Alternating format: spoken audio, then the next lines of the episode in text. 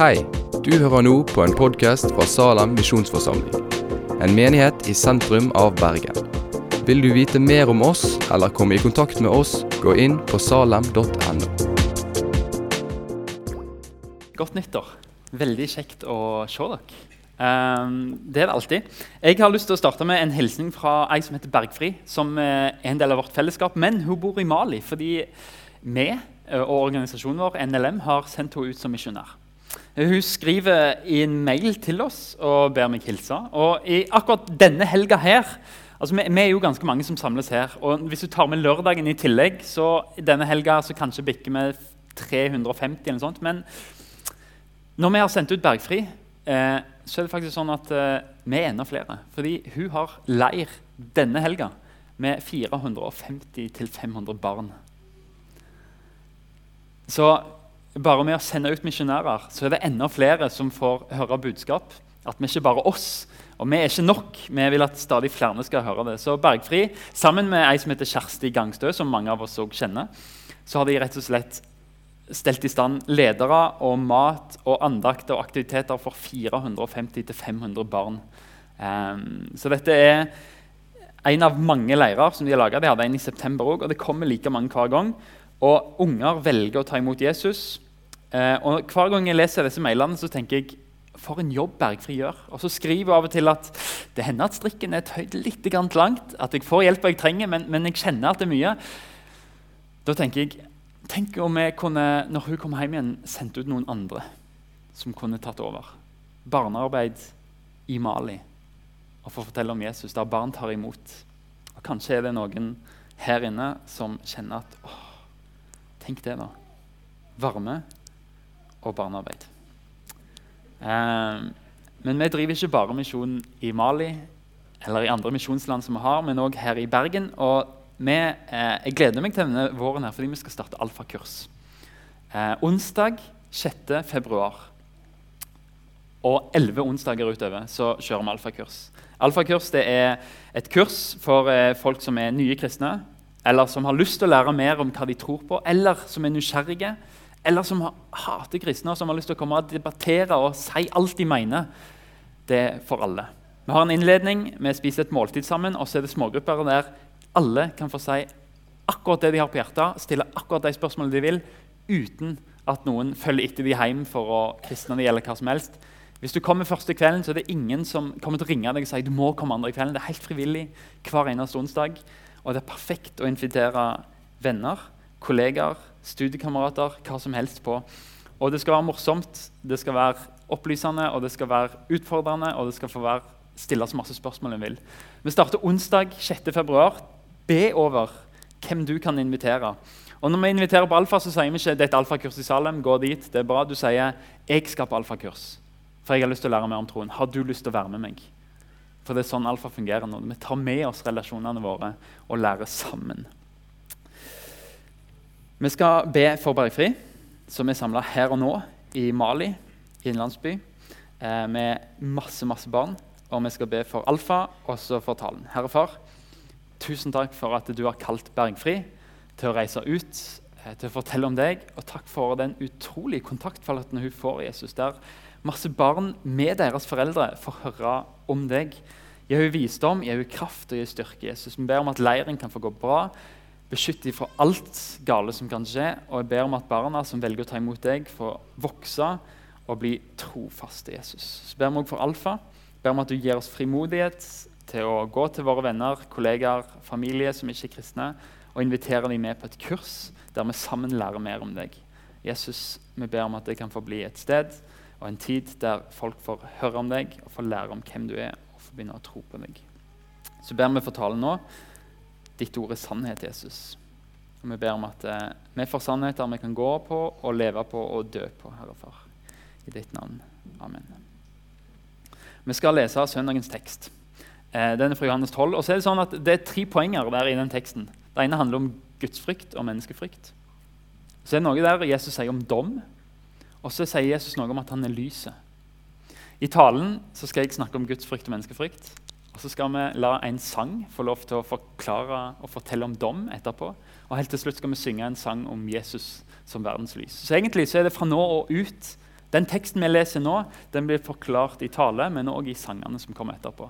Så fra nå og ut så er det en utleggelse av teksten. håper vi. Men vi reiser oss, og så leser vi Johannes 12, 42-47. Likevel var det mange som trodde på han, også av rådsherrene. Men pga. fariseerne bekjente de det ikke, så de ikke skulle bli utstøtt av synagogen. De ville heller ha ære fra mennesker enn ære fra Gud. Men Jesus ropte ut, 'Den som tror på meg, tror ikke på meg, men på ham som har sendt meg.' Og den som ser meg, ser ham som har sendt meg. Som lys er jeg kommet til verden, for at ingen som tror på meg, skal bli i mørket. Den som hører mine ord og ikke holder fast på dem, dømmer ikke jeg. For jeg er ikke kommet for, for å dømme verden, men for å frelse verden. Sånn lyder Herrens ord til oss i dag. Da kan vi sette oss.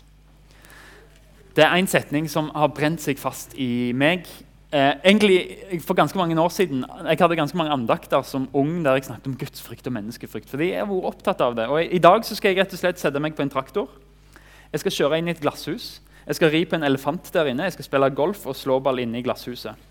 Så det jeg sier nå, dette er ikke fra meg til dere. Dette er like mye at jeg trenger dette. Men den setningen de ville heller ha ære fra mennesker enn ære fra Gud gudsfrykt. Det, I Bibelen så, så, handler gudsfrykt om den rette holdningen å ha til Gud. Og Rart nok så kan det innebære frykt. Både frykt for vår egen synd, eh, fordi Gud er hellig og vred. Eh, det, gudsfrykt kan innebære ydmykhet for at jeg er et menneske av støv, og at Gud er en allmektig, allvitende Gud. Men gudsfrykt det kan like mye handle om glede over tilgivelse. Takknemlighet for nåde og frihet til å leve sånn Gud har skapt meg. Til å leve i, i kjærlighet til Gud, i fellesskap med Gud. Menneskefrykt er motsetningen. Menneskefrykt er det som hindrer oss i å være gudfryktige. Og vi kjenner det igjen ganske mange plasser i livet. Bare, bare siste ukene så har jeg blitt hindra i å be bordbønn, fordi jeg tenker at ah, de sitter sikkert ikke så pris på det. Men det hindrer oss fra fellesskap med Gud. Fordi vi er redde for hvordan mennesker vil se på oss hvis vi begynner å leve etter denne gamle boka her. Menneskefrykt hindrer oss i å vende oss til Gud, sånn som bordbønn. Det hindrer oss i å bekjenne troen fordi vi er redd hva tenker folk om meg hvis jeg sier at jeg tror på Jesus. Den hindrer oss fra å bekjenne synd til hverandre fordi vi tenker ah, hva tenker den personen som er så prektig kristen om meg, hvis jeg bekjenner den synden. Menneskefrykten kan rane oss på den måten fra frihet, fra å bekjenne synd, fra, fra fred til å få tilgivelse. Menneskefrykt det, det kommer egentlig dypere sett av at jeg er opptatt av meg sjøl og hvordan andre ser på meg.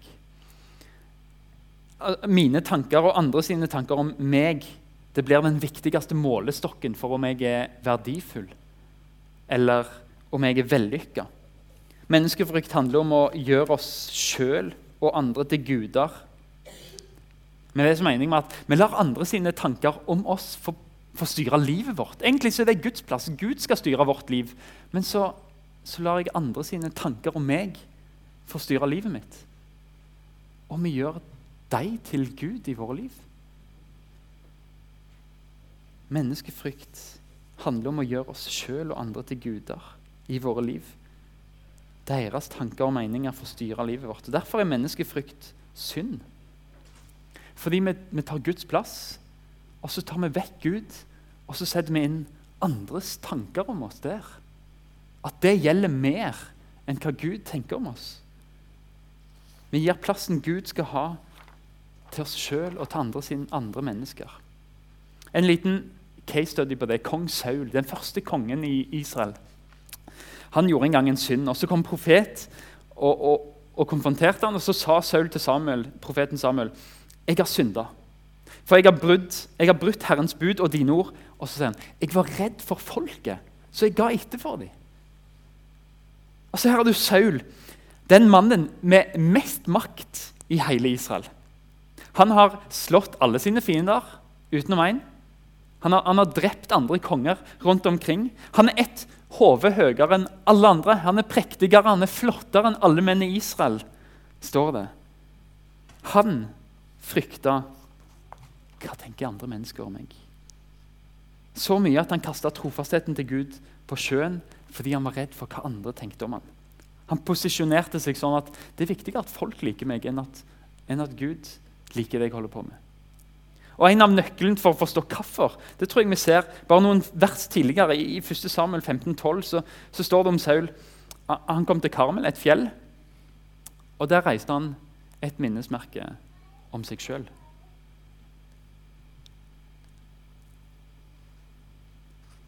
Reise minnesmerke om seg sjøl. Det er ikke noe som jeg pleier å gjøre, sånn fysisk i alle fall. Eh, vi har en bautastein på Rønnesøy. Den er ikke eh, over store sønn meg, men eh, sikkert en eller annen konge. Men sånn egentlig så er jeg veldig opptatt av å bygge bautasteiner i deres tanker. Jeg er veldig opptatt av hva andre tenker om meg. Å bygge minnesmerker som kanskje folk skal huske. eller... Og, og du, hva, hva tenker du om at andre skal si om deg? Hva tenker du at folk skal ære deg for? Posisjonerer du deg noen ganger sånn at du egentlig bygger noen sånn proverbielle æresmerker? Hvis du er helt ærlig med deg sjøl, kan du gjenkjenne noen ting du gjør utelukkende for å se bedre ut hos andre?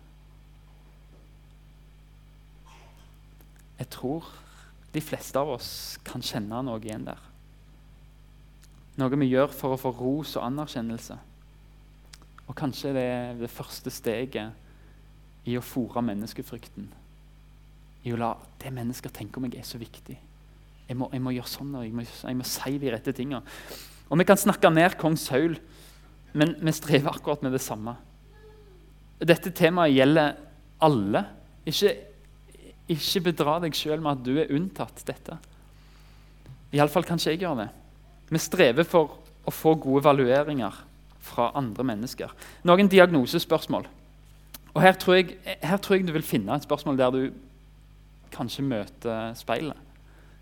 Men gjør du ting mot din egen vilje og din overbevisning bare for å gli med i mengden, for å ikke skille deg ut? Gjør du noen ting der du vet jeg vet at dette er riktig, men alle andre gjør sånn, så jeg, jeg bare flyter med her, og siden alle andre overser det, så er det sikkert ikke så viktig. Det er menneskefrykt. Det starter med at du hører noen sladre. Han, han gjorde det, og baktale liksom, hadde hørt liksom, det de holdt på med. Og så frykter vi at å, tenk om folk snakker sånn om meg. Og så I stedet for å faktisk følge noen av Guds bud som er mot dagens samfunn totalt, så, så tar vi en omvei rundt det og bare flyter med strømmen. Det er menneskefrykt. Et annet spørsmål klarer du å si nei, sånn at du Klarer du å si nei, sånn at ikke du er overarbeida på fritida, på jobb, i menighet? Kan det være at, at du ikke makter å si nei fordi du er så opptatt av hva tenker andre om meg? At det, du elsker å være verdsatt og nyttig av andre mennesker, og så greier du ikke å si nei fordi det er så viktig for deg? Eller enda et spørsmål, Er du redd for å støte noen, sånn at du unngår konfrontasjoner som er nødvendige for å vise sann kjærlighet? Det er noen som, som, lever på en måte, og du vet at egentlig så er det riktig her å gripe inn fordi jeg elsker dem, og jeg vet at Gud har en plan for våre liv som det ikke stemmer der. Men, men jeg gjør det ikke fordi jeg er redd for hva de vil synes om meg. Det er menneskefrykt. Vi er redde for å bli elska mindre, så vi lar være å veilede folk i sannhet og i gudfryktighet. Vi kan stille flere spørsmål. Er, er selvtilliten din knytta opp til hva andre mener om deg? Bruker du andre sin tanke om deg til å bygge din identitet? Det er menneskefrykt. Det er å ære mennesker mer enn å ære Gud. Da gir du andre mennesker Gud sin plass. For det er han som skal fortelle deg at du er elska, at du er skapt i hans bilde, at du er verdifull fordi han elsker deg, og fordi han har skapt deg. Kanskje forteller du små, hvite løgner for å få deg sjøl til å se bedre ut. Små, små løgner om, som, om, hvor mye du ber, eller hvor tidlig du står opp, eller hva familien din gjør på fritida. Noe som får deg til å se litt bedre ut enn det du egentlig er sant. Det er menneskefrykt. Du styres av andre tanker om deg. Kanskje er det usunt mye opptatt av kroppen din. Det er bra å, være, det er bra å ta vare på kroppen, men, men menneskefrykt det kan gjøre noe sunt og gjøre det om til en besettelse av form, farge og størrelse. Ser du hvordan menneskefrykt påvirker livet vårt? Til og med om du ikke er kristen, så, så påvirker denne menneskefrykten måten du lever på, og fanger oss litt. Hvis vi hadde vært opptatt av hva Gud tenker om oss, så tror jeg vi kunne sluppet en hel del bekymringer. Og så sitter du kanskje og tenker ja, men Kristian, hjelper det egentlig å frykte Gud? Da tror jeg at jeg må gjenta meg sjøl. Gudsfrykt er ikke nødvendigvis å være redd for Gud, men det er den holdningen du har innenfor Gud. Det betyr at når Gud sier noe, så lar du det være sant i ditt liv. Du lar Hans ord få prege deg, og det kan gi frihet og glede og trygghet like ofte som det gir oss frykt og beven for en, en hellig Gud. Jeg har lyst, La meg få vise det, men via en liten omvei. Jesus det Jesus adresserer i dagens tekst, det er mennesker som tror på Jesus, men som ikke våger å bekjenne det. De er redd for hva mennesker tenker om dem. De ønsker, de ønsker ikke at troen skal skille dem fra andre mennesker.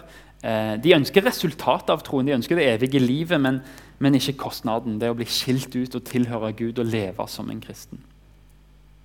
Og Det er sant i dag òg. Det er ikke bare fariseerpartiet som ville heve dem ut av synagogen hvis de trodde på Jesus, men vi, vi står ansikt til ansikt med massemedia og sosiale medier som med store bokstaver skriver om hvor utrolig teit det er å være kristen.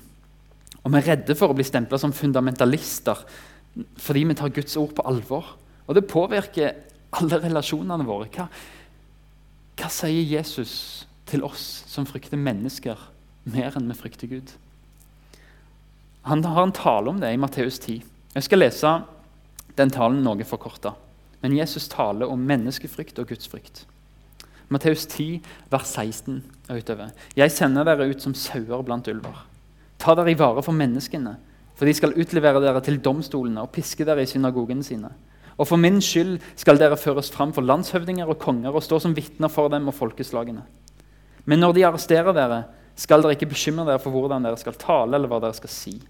Det skal bli gitt dere i samme stund hva dere skal si. For det er ikke dere som taler, men det er deres fars ånd som taler gjennom dere. Bror skal sende bror i døden og en far sitt barn, og barn skal reise, seg mot sine foreldre og volde deres død. Og dere skal hates av alle for mitt navns skyld, men den som holder ut til enden, skal bli frelst. Og Litt seinere sier Jesus.: Vær ikke redde for den som dreper kroppen, men ikke kan drepe sjelen. Frykt heller han som kan ødelegge både sjel og kropp i helvete. Selges ikke to spurver for en skilling, og, ikke en dem, nei, og ikke en av dem faller til jorden uten at deres far er der. Ja, hvert hårstrå dere har på hodet, er talt. Så vær ikke redde, dere er mer verdt enn mange spurver. Vær den som kjennes ved meg for menneskene, skal også jeg kjennes ved for min far i himmelen. Men den som fornekter meg for menneskene, skal jeg, også jeg fornekte for min far i himmelen. Dette er krasse ord av Jesus, men de er, de er klokkereine, de er klare. Hvorfor er du redd mennesker? Han sier, ja, 'Hva kan de gjøre deg?' spør Jesus. De kan skade deg, ja. De kan skade ryktet ditt, ja. De kan drepe deg, sånn som i eksempelet Jesus bruker. Ja. Men det han sier, at løft blikket ditt. Når mista du evigheten av syne? Vi er skapt til en evighet. Ser vi ikke det? Frykt Gud, som har nøklene til det evige livet. Løft blikket. Du har verre ting å tape enn ansikt og respekt. Pass på at du ikke mister det evige livet, sier Jesus. Fordi det å leve i skjul det tar frimodighet fra oss. Så mye at til slutt så kan vi bare kapitulere hele troen fordi den får ikke påvirke oss lenger. Fordi vi, vi er redde for, for, hva folk vil si. Ikke vær redd for hva du skal si, sier Jesus. Bare stå fram. Når du gjør det, så vil Den hellige ånd gi deg ord. La meg få si det med noen litt andre ord. Jeg tror, jeg tror vi kan lese det ut fra det Jesus sier. Ikke vær redd. Hvis du står fram, så skal du få se at, at, jeg er med deg, sånn som jeg lovte. I misjonsbefalingen gå ut og fortell jeg er med deg. Ikke vær redd.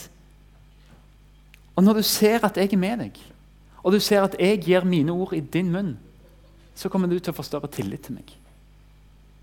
Du kommer til å se at jeg er med, at jeg gir deg ord å si. Og så vokser troen din, for du ser at wow, det Jesus sier, er sant. Og det skaper frimodighet, lydighet og gudsfrykt skaper mer tro.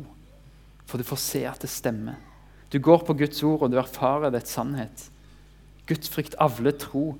Og Derfor er gudsfrykt begynnelsen på visdom, skriver Salomo. Fordi gudsfrykt skaper en tillit til Gud. En tillit som viser seg i at du tar ett skritt på Guds ord, og så stemmer det. Tar du ett skritt til, og så stemmer det, så tør du større ting for Gud og mer fordi du ser at Gud går med. Visdom er praktisk. At du går på det som er sant og rett, og handler etter det. Og du ser at ja, Gud har lova å være med. Det verste som kan skje et menneske, er ikke hånlige bemerkninger fra andre, men at vi mister frelsen. At vi gjemmer oss vekk fra Gud. Vi er redde for hvordan han vil påvirke oss. Til slutt så, så forherder vi oss sånn at vi vender oss vekk.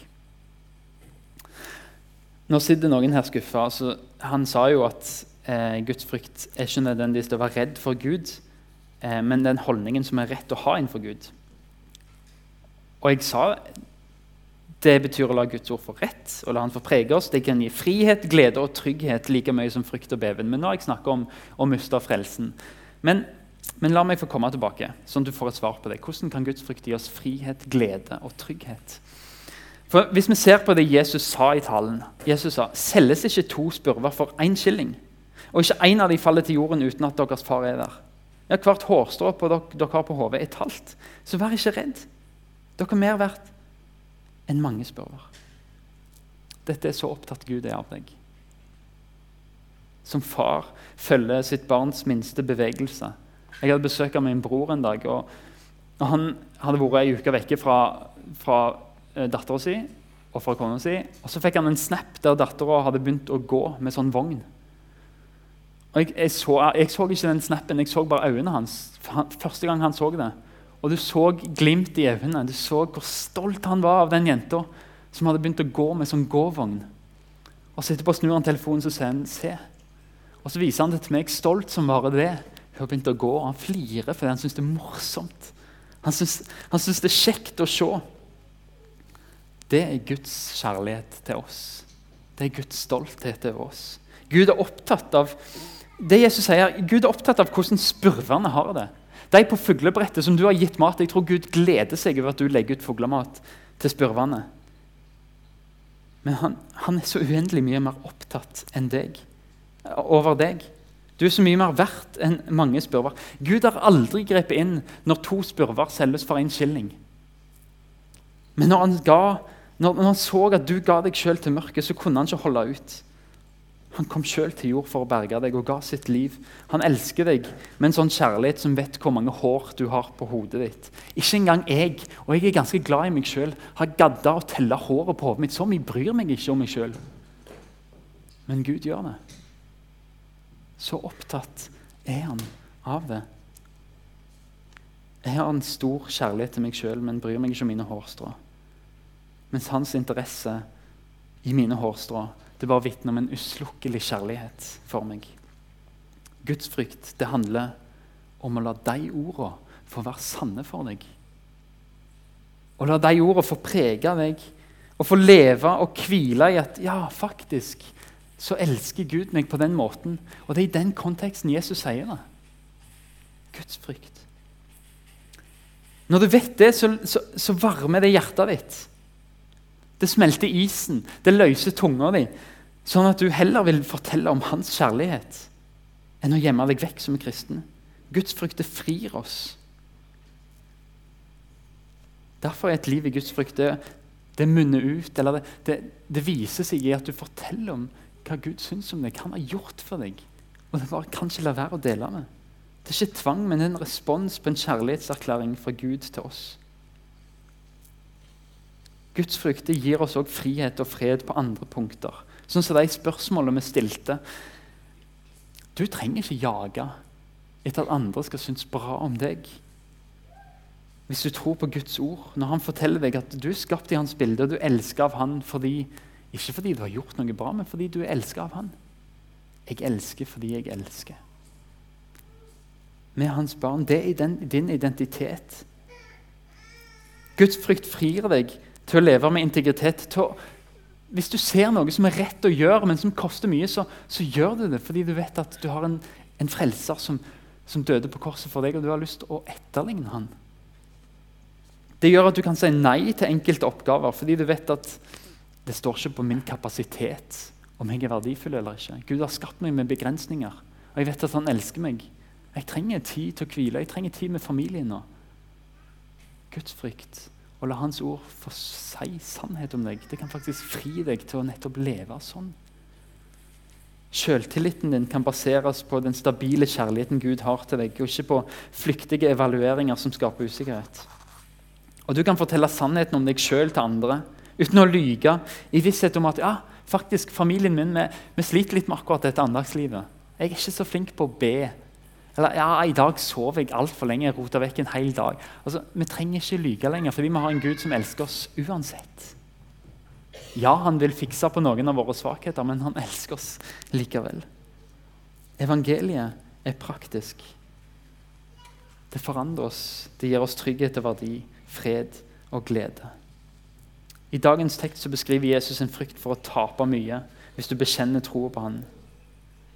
Og Det er rart hvor ofte vi kristne mikser opp hva det som egentlig betyr noe for oss. De jødiske lederne de ville ikke bekjenne troen på Jesus, selv om de trodde på han. Fordi det betydde en slutt på deres privilegier, på deres profitt og på deres respekt. Men en av de skriftlærerne, ikke en av de som hørte Jesus her, men en av de som, som var livredd for å kanskje være annerledes, han, han fikk bekjenne en gang. Han heter Paulus, og han skriver i Filippa brevet 3 men det som før var en vinning for meg, det regner jeg nå for Kristi skyld som tap. Ja, jeg regner alt som tap, fordi det å kjenne Kristus Jesus min Herre er så mye mer verdt. For hans skyld har jeg tapt alt, og alt jeg har tapt, regner jeg som verdiløst skrap, bare jeg kan finne Kristus og bli funnet i Han. Ikke med min egen rettferdighet, den som loven gir, men med den rettferdighet jeg får ved troen på Kristus. Dagens formaning fra Jesus er så enkel og allikevel så vanskelig. Bry deg mer om hva Gud tenker om deg, enn hva mennesker tenker om deg. Det setter deg fri. Og det lærer deg opp til hvordan du kan følge Hans ord. Hvordan gjør vi det? Vi gjør det med å se på Jesus. Fariseerne sa en gang om Jesus, 'Mester, vi vet at du alltid holder deg til sannheten.' Og du lærer sant om Guds vei. Du bryr deg ikke om hva andre synes, for du ser ikke på person eller rang, det er vårt forbilde. Du holder deg alltid til sannheten, og du lærer sant om Guds vei. Du bryr deg ikke om hva andre syns, for du ser ikke på person eller rang. Du ser på en Gud som er større enn alt, og som er vår Herre. Jesus var en mann med integritet. Han var ærlig, han var rett fram. Han var ubeveget av hva folk måtte mene om han. Men hvordan gjorde han det? Jeg tror han gjorde det i, i starten av sitt virke, når han ble døpt så levde han i de sannhetene Gud sa om han. Dette er min sønn, som jeg har behag i. Det var nok for Jesus, det. Gud er glad i meg. Gud har behag i meg. Og så levde han som om det er sant, og tenkte at det er den viktigste kjærligheten å leve i. Se på Jesus, lær av han. Lev i den kjærligheten. La Guds tanker om deg få være uendelig mye mer viktig enn hva mennesker tenker om deg. Det, det handler om å vende seg om. Sånn som jeg sa i stad, Vi har bytta ut Guds plass med andres evalueringer av oss. Og la deres tanker få styre livet vårt. Men Guds frykt handler om en omvendelse. Fra menneskefrykt og der du ser Gud. Det du tenker om meg, det er det jeg vil skal telle. Det er det jeg vil leve etter. Vi bytter menneskefrykt, som holder oss tilbake, med Guds frykt, som former oss til liv, glede, frihet og etterfølgelse. Og Det er starten på visdom og frykt av Gud. Det sier Bibelen, og det viser historien. William Wilberforce, som sa nei, vi skal ikke drive slavehandel lenger, men vi får en slutt på dette. Og ble hetsa av hele det britiske maktsystemet fordi de var så avhengige av slavehandelen. Men han sto opp gang etter gang, år etter år, og foreslo en ny lov hele tida. Nei, disse menneskene er like verdifulle som oss. Og Vi ser det hos Martin Luther King jr. Vi ser det hos Dietrich Bonhoeffer, som sto opp mot nazistene og sa nei. Dette er ikke Guds vilje. Vi ser det hos de som kjemper mot moderne slaveri i dag, og de som kjemper i abortkampen. Guds frykt kan gjøre verden til et bedre sted. Det frir oss fra prestisjejaget. Det frir oss, det frir oss til å sette andre fri når vi ser på Jesus etterligne han. Den som er redd for mennesker, setter en snare for seg selv. Men den som stoler på Herren, har et vern, skriver Salmo til oss. Den som er redd for mennesker, setter en snare for seg selv. Men den som stoler på Herren, har et vern. Herre Far.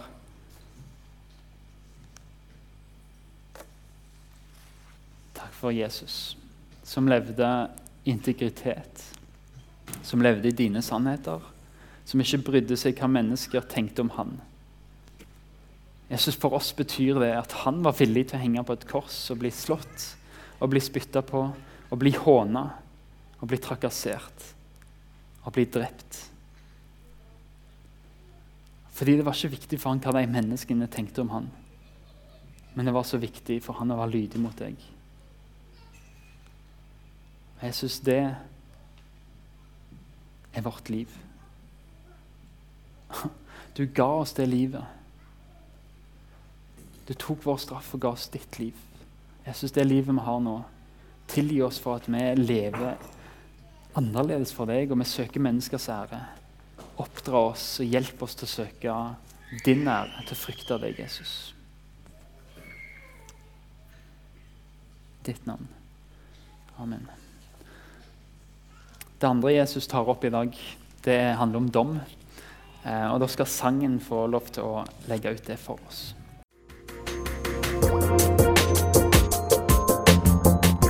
Takk for at du har hørt på podkasten fra Salem, Bergen. I Salem vil vi vokse i et stadig dypere fellesskap med Gud og med hverandre. Vi vil være Jesu hender og føtter, og vi vil være med og forkynne frelse for Bergen og resten av verden.